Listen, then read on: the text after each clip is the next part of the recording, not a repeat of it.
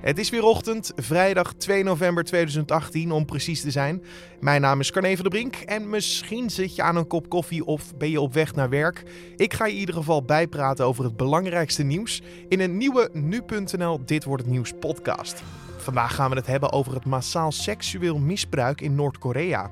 Mensenrechtenorganisatie Human Rights Watch publiceerde gisteren namelijk een rapport waarin stond dat ongewenst seksueel gedrag zelfs zo vaak voorkomt dat het wordt gezien als een normaal verschijnsel in het dagelijks leven. En sterker nog, als je aan, aangifte doet, dan ligt het toch vaak aan de vrouw, die dan uh, blijkbaar dan de situatie zo heeft gecreëerd dat de man niet anders kon dan haar lastigvallen of verkrachten. Dus nee, als vrouw kan je niet, kan je niet naar de politie toe. Ook al je het wel doen, ja, je wordt of niet geloofd of ze, ze pakken het niet op. En we nemen afscheid van de saaiste ruimtemissie ooit. Na negen jaar is de brandstof op van de Kepler ruimtetelescoop. Het is misschien de saaiste NASA-missie, maar uiteindelijk wel een hele belangrijke. Maar nu eerst kort het belangrijkste nieuws van nu. Het circuit van Zandvoort heeft een concreet aanbod van de Formule 1 gekregen om in 2020 een Grand Prix te organiseren. Daarmee zou de sport na 35 jaar weer terug naar Nederland komen. Als wij nu tekenen, dan heeft Nederland in 2020 weer een Grand Prix met Max Verstappen. Iedereen is er bij ons terdege van bewust dat dit een unieke kans is, al dus Prins Bernhard van Oranje, de eigenaar van het circuit. De baan in Zandvoort krijgt de voorkeur boven het TT-circuit van Assen. Het is nog niet zeker of dit plan door zal gaan. Eerst zal er intern overlegd moeten worden. De officiële reactie van de Verenigde Staten op de dood van de Saoedische journalist Jamal Khashoggi laat mogelijk nog weken op zich wachten. Dat zei de Amerikaanse minister van Buitenlandse Zaken Mike Pompeo tijdens een radio-interview. Het gaat ons waarschijnlijk nog weken kosten voordat we genoeg bewijs hebben verzameld om daadwerkelijk sancties in te stellen. Hoewel ik denk dat we uiteindelijk wel op dat punt zullen komen, aldus Pompeo. In Kenia is een 66-jarige Nederlander gearresteerd die meerdere minderjarige meisjes heeft aangerand. Hans V. werd in 2016 aangeklaagd voor het aanranden van drie meisjes van 8, 9 en 10 jaar oud. Daarop verdween hij spoorloos totdat hij donderdag werd opgepakt in een district in het noordoosten van de Keniaanse hoofdstad Nairobi. Hij was opgespoord door een speciaal rechercheteam belast met de veiligheid van kinderen. Een week na het faillissement van de IJsselmeer ziekenhuizen en het MC Slotervaart blijken ook de ziekenhuizen Amstelland in Amstelveen en Zuiderland in Sittard-Geleen in financieel zwaar weer te zitten. De twee zorginstellingen scoren nog slechter op de lijst van zwakke ziekenhuizen dan de IJsselmeer ziekenhuizen. Dat blijkt uit hun financiële cijfers van de afgelopen vier jaar. Zo bericht Trouw vandaag. De Japanse fabrikant van de trein die in Taiwan ontspoorde, heeft gezegd dat er een ontwerpfout is aangetroffen bij de trein. Door de fout, die waarschijnlijk lag in de bedrading, is het centrale controlesysteem niet gewaarschuwd nadat een automatische veiligheidsfunctie door de machinist was uitgeschakeld. Bij het ongeluk op 21 oktober kwamen 22 mensen om het leven en raakten bijna 200 personen gewond. En dan kijken we naar de dag van vandaag, 2 november, oftewel dit wordt het nieuws. Noord-Koreaanse vrouwen staan volgens mensenrechtenorganisatie Human Rights Watch machteloos tegenover seksueel geweld door overheidsfunctionarissen. Ongewenst seksueel gedrag komt zelfs zo vaak voor dat het wordt gezien als een normaal verschijnsel in het dagelijks leven. Zo concludeert de mensenrechtenorganisatie na gesprekken met tientallen gevluchte Noord-Koreanen. Natuurlijk een verschrikkelijke conclusie van de Human Rights Watch en het seksueel geweld zit diep geworteld bij de Koreanen.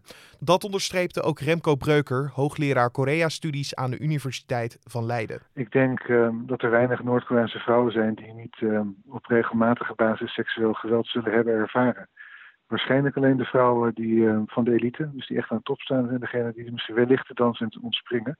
Maar uh, iedereen die geen elite is, is uh, eigenlijk een, een prooi voor vooral mannen met macht.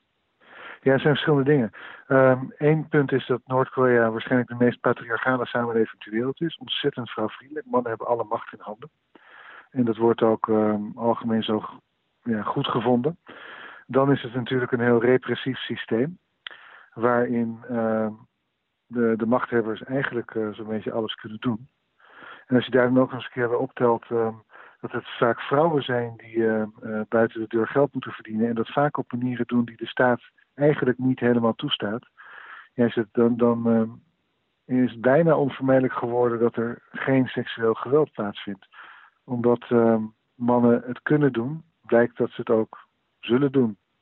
Want het is niet dat er staat als, als er zo'n geval is, uh, een vrouw naar de plaatselijke politie kan en het gelijk ook als onderzoek wordt gezien. Uh, dat de man in kwestie nee. uh, gelijk af wordt gerekend ermee. Nee, dat gebeurt, dat gebeurt heel weinig. Ehm, verkrachting is wel een misdaad in het Noord-Koreaanse wetboek van strafrecht.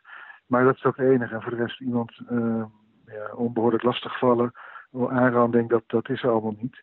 En sterker nog, als je aan, aangifte doet, dan ligt het toch vaak aan de vrouw. Die dan uh, blijkbaar dan de situatie zo heeft gecreëerd dat de man niet anders kon dan haar lastigvallen of verkrachten. Dus nee, als vrouw kan je niet, kan je niet naar de politie toe. Um, en ook al zou je het wel doen, ja, je wordt of niet geloofd, of ze, ze pakken het niet op. Nee, en het is natuurlijk ook lastig. Het is een land waarvan wij weten dat de deuren echt op slot zijn. We krijgen niks te horen van hen. Uh, maar in ieder geval wat zij willen laten horen, dat horen wij, verder niks. Um, ja, is dit dan ook groot nieuws of ja, is het bespreekbaar binnen de landgrenzen dit? Nee, het is absoluut onbespreekbaar. Het is wel bekend. Ik uh, denk niet dat ik um, ooit interviews met Noord-Koreaanse vluchtelingen heb gedaan waarin dit niet... Uh, erkend werd als een groot probleem. Uh, ook uh, vaak om uh, den lijve ondervonden. Um, en er komt wel degelijk nieuws het land uit. Heel veel mensen ontvluchten het land of gaan heen en weer naar China om te handelen. en dat maakt dus, dus we weten wel wat er gebeurt hoor, wat dit betreft. Ook, um, en we wisten al heel lang dat Noord-Korea, als het gaat om geweld, seksueel geweld tegen vrouwen, extreem, ja, ex, extreem ernstig is. Het staat bijvoorbeeld ook in het rapport van de Verenigde Naties over de mensenrechten situatie in Noord-Korea 2014. En daar wordt ook heel erg goed gekeken naar wat er bijvoorbeeld in de gevangenis- en concentratiekampen gebeurt. Want dat is nogmaals een keer erger dan, uh, dan wat er gewoon in, in de maatschappij zelf gebeurt. Vrouwen die gevangen zitten hebben helemaal geen enkele vorm van verweer tegen mannen die hen willen verkrachten. En dat gebeurt dan ook. Komt daar een, uh, een kindje uit, uh, want er worden geen voorbehoedsmiddelen gebruikt over het algemeen, dan is de vrouw strafbaar, de man ook. En niet omdat hij de vrouw heeft verkracht, maar omdat hij omgang heeft gehad met een ongewenst element. En de vrouw um, kan terecht worden gesteld als dit gebeurt. En haar ongeboren kind zal verliezen überhaupt door, door middel van gedwongen abortus. Dus dit is een probleem dat al heel lang bekend is. Um, ik ben blij dat uh, Human Rights Watch dit nu heeft aangekaart in een formeel rapport. Maar we moeten hier ook niet al te verbaasd over doen. Dit, dit wisten we al.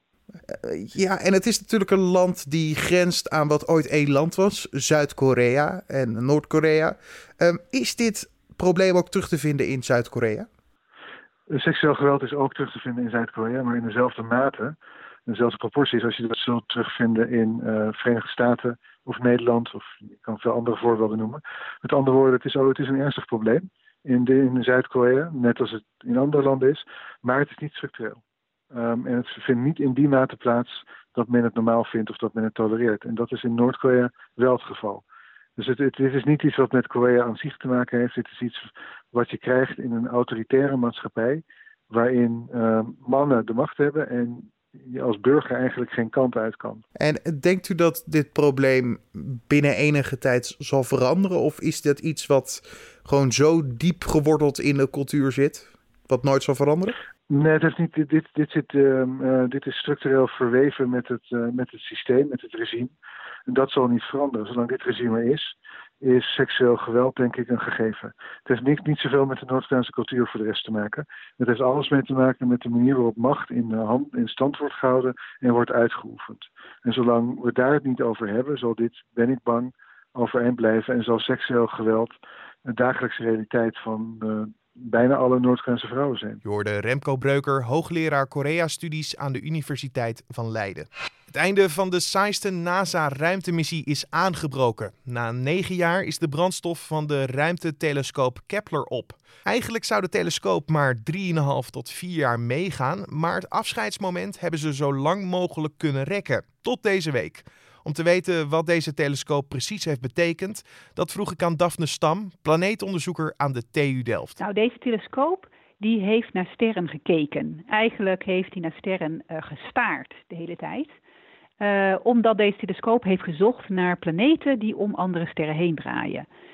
En de methode die die telescoop daarvoor gebruikte is kijken naar een ster of er een planeet voor langs gaat. Nou, nou zie je dat niet. Je ziet niet een klein stipje over zo'n ster heen bewegen. Maar door de hele tijd te meten hoeveel licht er precies van die ster afkomt, meet je op het moment dat er zo'n planeet voor die ster langs beweegt, meet je net een heel klein beetje minder licht. Nou, en dat kon Kepler dus heel goed meten. Hele kleine veranderingen in sterlicht. Nou, en uh, natuurlijk is er geen, uh, geen astronoom die dan hè, helemaal naar al die metingen heel precies zit te kijken. Met een computerprogramma kan je dus uit al die metingen van Kepler, kan je dus eigenlijk automatisch planeten tevoorschijn halen. Dus sterren waar planeten omheen draaien. Of eigenlijk sterren waar misschien planeten omheen draaien. Omdat ja, dat soort dipjes in sterlicht kunnen ook nog wel wat andere oorzaken hebben. Dus daar moesten ze dan met andere telescopen weer beter naar kijken. Ja, maar dan ben ik gelijk benieuwd. Hoe, hoe nuttig was dan de Kepler? Hebben wij bijvoorbeeld dankzij de Kepler um, ja, nieuwe planeten ontdekt of andere zaken? Was hij heel nuttig? Ja, want uh, Kepler die heeft dus, die kon naar een heleboel sterren tegelijk kijken. Dat is voor deze methode is dat heel belangrijk, omdat je nooit weet of je zo'n dipje kunt zien of wanneer het gaat plaatsvinden. Dus Kepler staarde eigenlijk de hele tijd naar 150.000 sterren, dezelfde sterren. Uh, en nou, voordat Kepler dat ging doen, wisten we wel al dat sterren ook wel planeten hadden, hebben. Maar uh, we kenden eigenlijk ongeveer iets meer dan 300 van die planeten bij andere sterren. En Kepler heeft er duizenden bij gevonden. Dus uh, Kepler heeft er bijna 3000 planeten gevonden waarvan we zeker weten dat het ook echt planeten zijn. En er zijn nog een paar duizend uh, metingen van Kepler die waarschijnlijk planeten zijn. Dus dankzij Kepler hebben we dus ontzettend veel meer van die planeten bij andere sterren gevonden. En dat is niet alleen belangrijk, hè? dat klinkt een beetje zo van, nou ja, nog een paar erbij, waarom is dat nou zo belangrijk? Ja, maar door die metingen van Kepler weten we eigenlijk dat bijna elke ster die je aan de hemel ziet, en ook sterren die je niet ziet, hebben planeten. Uh, en dat wisten we daarvoor nog niet. Dus Kepler heeft dus een heleboel statistiek eigenlijk kunnen geven. Ook omdat Kepler een heleboel verschillende soorten planeten heeft gevonden. Kleine, grote, uh, planeten dicht bij hun ster, planeten die heel verre banen om hun ster heen hebben. Planeten die om, uh, om dubbelsterren heen draaien. Dus dan zijn, als je op zo'n planeet zou wonen, zou je dus twee zonnen in de lucht hebben. Ja, groepjes planeten die om sterren heen draaien. Kepler heeft dus ontzettend veel variatie gevonden. En het, het bijzondere ook aan deze missie is natuurlijk geweest dat, uh, dat heel vaak wordt beschreven als de saaiste missie ooit. Um, zo wordt het gezien. Maar waarom ja. heeft het die naam dan? Nou, omdat hij dus eigenlijk alleen maar de hele tijd, bijna de hele tijd, naar hetzelfde plekje van de hemel heeft gestaard, waar dan die 150.000 uh, uh, sterren staan. En dat is een plekje aan de hemel, wat, wat eigenlijk als je vanavond uh, zo om, als het donker is naar boven kijkt, dat is eigenlijk het plekje waar Kepler al die tijd naar heeft uh, gestaard. Dus Kepler heeft geen spectaculaire foto's zoals bijvoorbeeld de Hubble-telescoop wel heeft. Maar Kepler heeft dus eigenlijk continu dezelfde sterren in beeld gehad. Later in de missie, toen konden ze, konden, hebben ze Kepler ook wel naar wat andere sterren gedraaid.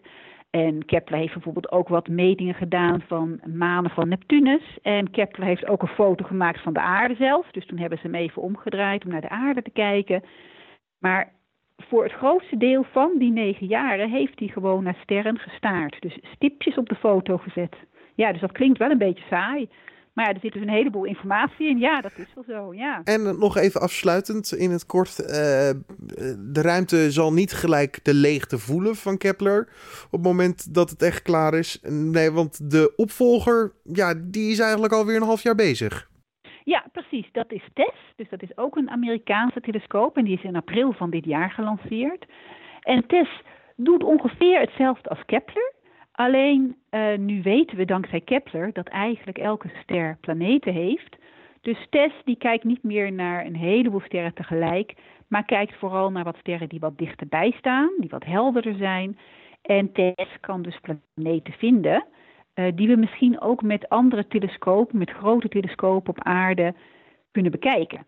Dus met de Kepler-planeten is dat niet mogelijk, want die zijn eigenlijk allemaal heel ver weg. Maar de planeten die TESS, die kunnen in de toekomst misschien met een andere telescoop bekeken worden om te kijken hoe ze er echt uitzien. Dus, uh, dus het is een opvolger, maar toch weer net iets anders. Je hoorde Daphne Stam, planeetonderzoeker aan de TU Delft. De politie verwacht later vandaag uitsluitsel te kunnen geven over de identiteit van de dode die donderdag is gevonden in het Zuid-Hollandse bos Heinen-Noord. Het lichaam werd gevonden tijdens de zoektocht naar de vermiste Mona Baartmans uit Delft. De 79-jarige vrouw verdween 23 september nadat ze haar man had bezocht in een verpleeghuis in Den Haag. Ze werd voor het laatst gezien toen ze bij iemand in een zwarte auto stapte. In Heerenveen gaat vandaag het schaatsseizoen officieel van start met het World Cup kwalificatietoernooi. Op de eerste dag in Tialf staan de 500 en 5000 meter voor mannen en de 1500 voor vrouwen op het programma. Daarbij verschijnen onder andere meervoudig Olympisch kampioenen Kjeld Nuis, Sven Kramer en Irene Wust op het ijs. Het toernooi duurt tot en met zondag. En dan nog even het weer. In de ochtend trekt er nog een wolkendeken van het westen naar het oosten over het land, waaruit een enkele bui kan vallen. In de loop van de dag wordt het overal droog en komt de zon er ook nog eens een keer bij. Het wordt vandaag 11 graden. En om af te sluiten nog even dit. Eerder deze week ging entertainmentredacteur Lara Zevenberg langs bij ex-pornoactrice en momenteel fanatiek haakster Bobby Eden. Haar nieuwe boek is uit, genaamd Haken at Home. Het zou volstaan met originele haakpatronen voor een persoonlijke aankleding van iedere kamer in je huis. Lara vroeg naar het grote contrast in het leven van Bobby. De ene dag staat ze op een erotiekbeurs en daarna staat ze dan weer te haken tussen de huisvrouwen. Ik hou wel van, uh, ja, ik hou wel van het ene uiterste naar het andere uiterste en ik hou van heel veel variatie. Het ene uiterste van naar het andere, andere dat uiterste. Dat is, uh, is zwak uitgedrukt hoor ineens. Dat vind ik echt ja, wel heel grappig. denk ik wel. Nou, want ik weet nog de eerste keer dat je aankondigde dat je een haakboek ging doen. Ja, ik, moet ook wel, ik moet er ook wel een beetje om lachen. Want het, het is, is ook een beetje gekkig, ja voor een hoop mensen. Ja. ja. Het hele item over de haakpassie van Bobby Eden vind je vanmiddag op nu.nl. En dit was dan de Dit wordt het nieuws podcast voor deze vrijdag 2 november. Je vindt de podcast natuurlijk elke maandag tot en met vrijdag om 6 uur ochtends op de voorpagina van nu.nl of in je favoriete podcast app. Laat ons weten wat je van deze podcast vindt. Dat kan je doen via een mailtje naar podcast.nu.nl of een recensie in iTunes. Mijn naam is Carne van der Brink en voor nu wens ik je nog een hele fijne vrijdag, een fijn weekend en tot maandag.